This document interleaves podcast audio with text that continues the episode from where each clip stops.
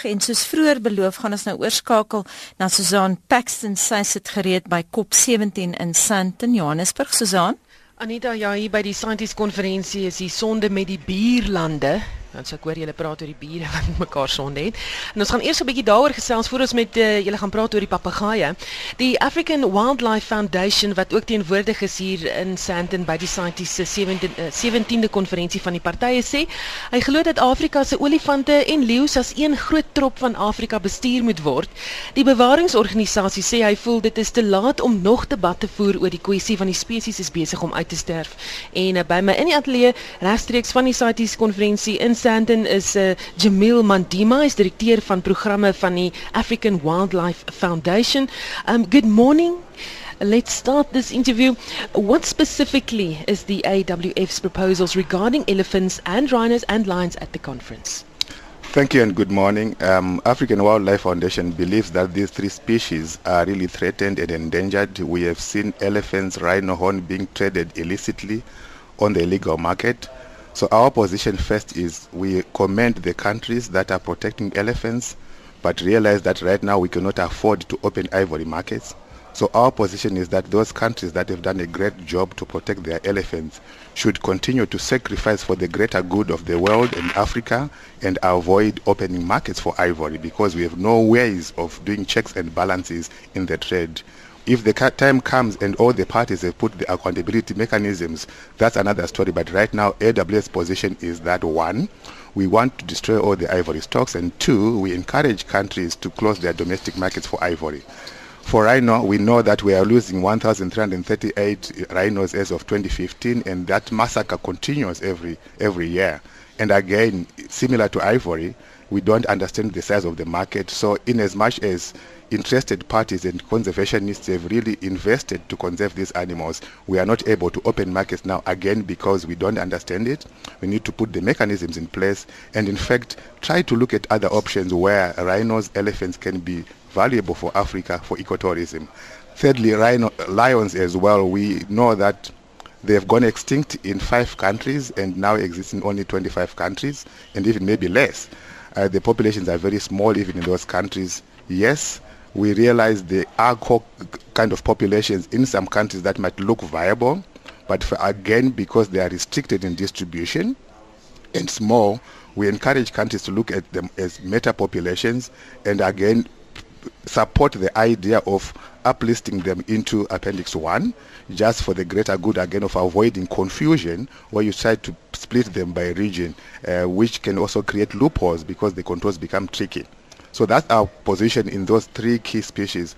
Overall, though, we believe that wildlife and wildlands in Africa should benefit the economic development of Africa, and we encourage people to think in the bigger picture than to just look at restrictions around political boundaries. Mm. And then, um, you know, you, are saying you, are working in a lot of countries, uh, but you're talking about Africa. But the AWF are also warning member states here not to play each other against one another. Why are you saying this? So first of all, um, you know, we are blessed to have a, a, a wildlife heritage, and um, if you think of in the African context, we have the Apex African Union as the governance body, and they've really made strides in the positive direction to agree on action plans that are continental. And then here we come and we fight against each other simply because we've got our political boundaries or what we believe is wildlife resources within our own boundaries, yet in fact elephants do not have passports. So they crisscross different countries. So it is incumbent upon the respective nations to work together to think in the bigger picture. And again think about the future, the future generations that have got to find and see these creatures in the wild.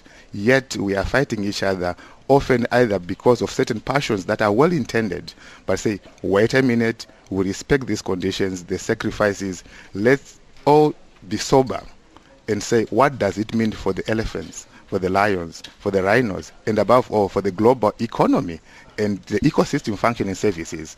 And AWF really says let's look at things that transcend beyond borders, transcend beyond politics, and say yes, CITES is a convention to get us all together. We are members because we have a common vision and interest. So why do we have to fight each other? So let's apply the good science and to use those provisions as per CITES and realize that CITES provisions are also made by the parties. So if it becomes necessary to adjust certain provisions for the sake of ensuring that the perseverance of our species can be realized, let's do that than fight each other. En dit was uh, die boodskap van Jimmiel Mandima, hy's van Zimbabwe. Hy's nou gestasioneer in uh, die FSA. Hy's die direkteur van die AWF met daardie boodskap van eenheid. Nou, verskeie huishoudings in Suid-Afrika het 'n grysgeveerde familielid. Die rooi stert papegaai of beter bekend as die African Grey is by CITES gelys op bylaag 2. Dit beteken die getalle van die dier moet bestuur word anders sal hy bedreig raak. Die voël is histories in groot getalle gevind in die Westelike en Sentraal-Afrika, maar weens stropery vir uitvoer doeleindes in die plaaslike gemeenskap wat die voëls eet, het getalle in die vroeë 2000s drasties afgeneem, wat gelei het tot die of tot CITES se ingryping. Bewaringsgroepe soos die internasionale Nasionale Trust vir die Welstand van Diere IFOL ondersteun 'n voorstel dat die voël opgeskuif word na CITES bylaag 1. Dit sal beteken dat daar nie handel gedryf word in die voël nie en dat hy as 'n krities bedreig gelys sal word. Nou Kelvin Ali is 'n kenner van papegaaie van IFOL. Hy's hier by my. Um good morning Kelvin. Good morning. How are you? I am fantastic, but why do you support the recommendations to list the African grey as an appendix 1 animal? Well, one of the reasons why I'm, I'm here representing um, a number of groups, uh, both conservation and animal welfare, um, especially the most uh, mainstream of conservation organizations. I represent the International Fund for Animal Welfare. We are in partnership with the World Wildlife Fund, the Wildlife Conservation Society, the World Parrot Trust, and a number of, of, of, international reputable institutions. And, you know, the rationale for, for listing is we are seeking a stronger uh, protection uh, from uh, African grey parrots, um, the, the, the, information and uh, the studies that have been done um, with respect to what has happened to the species in the wild is quite clear. There are dire concerns. It's the, the third most internationally traded uh, bird in the world. Um, you know, it's um, so we are not there to stop the trade. We are there to, to seek stronger protection from international commercial trade and uh, seek to protect the species in the wild. I mean, there have been, um, you know, extinctions uh, recorded in some parts of Central uh, and West Africa um, in previous range where the species used to be. It's uh, highly uh, commercially traded and uh, we are very much in support with the government of Gabon and a number of uh, African range countries that have put forward this proposal seeking stronger protection for for the species from commercial trade. Mm. So you're here now at CITES. What exactly are you going to put on the table? Well, it's it's not me. I mean, you know, and I mean, it's very important for your listeners to understand that uh, non-governmental organizations as well as private sector organizations, we don't vote uh, you know, countries do vote, uh, CITES parties do vote.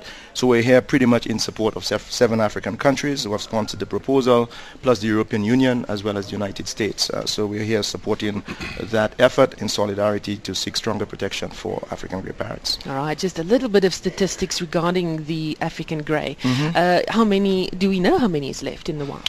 Well, I'm, I'm not uh, I'm not certain. I know there's been a lot of studies that's been done. Um, what has been recorded is that in 14 or 18 of the range states where the species has been found in the wild, um, it has been decimated. Uh, what also has been recorded in the context of CITES is there has been numerous uh, significant trade reviews uh, that has been done on the species. There has been suspension of trade um, uh, compliance issues with uh, some of the, the countries where this, in particularly the DRC, there has been recorded quite a lot the issue of, of fraudulent uh, permits and the issue of of deficiencies around being able to regulate uh, the species. So it's not just about, you know, um, putting the species on the appendices for, for, I mean, it's not, we're not just trying to just add protection just for protection's sake. I mean, there, are, there is a lot of information out there demonstrating that the species has actually been impacted quite significantly in the wild, and that's why that's what that's the reason why CITES is there. It's an international trade convention, and it has the mandate uh, with governments putting forward uh, support uh, for stronger protection of the animal.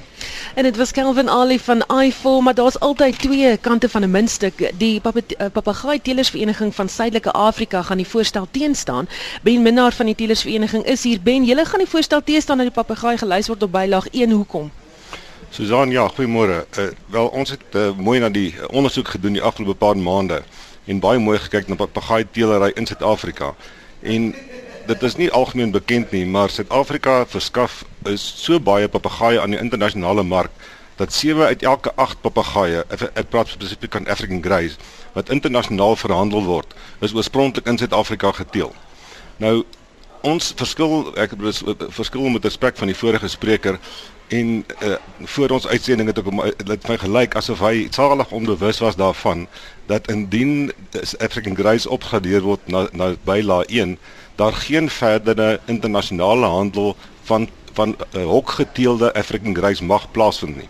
Nou die die effek wat dit gaan hê is as ons aanvaar dat dat 80-85% van voëls wat internasionaal verhandel word op hierdie stadium van Suid-Afrika afkom, gaan daar onmiddellik 'n leemte wees van daardie voëls. Daar is 'n mark daar buitekant. Dit is 'n geweldige populêre papegaai wêreldwyd, is seker die mees bekende papegaai wêreldwyd en ons is bevrees dat die opgradering na na na na byla 1 presies die teenoorgestelde effek gaan hê as die goeie bedoelings wat die mense het wat dit wat dit voorstaan. Ons dink dat die druk onmiddellik terug gaan wees op die op die op die smokkel van hierdie voëls. Op hierdie stadium het het die het die oorseese koper 'n keuse. Hy kan van ons 'n mak 'n stresvrye papegaai koop teen 'n ietwat hoër prys as die as die in die as, as die wildgevangde een.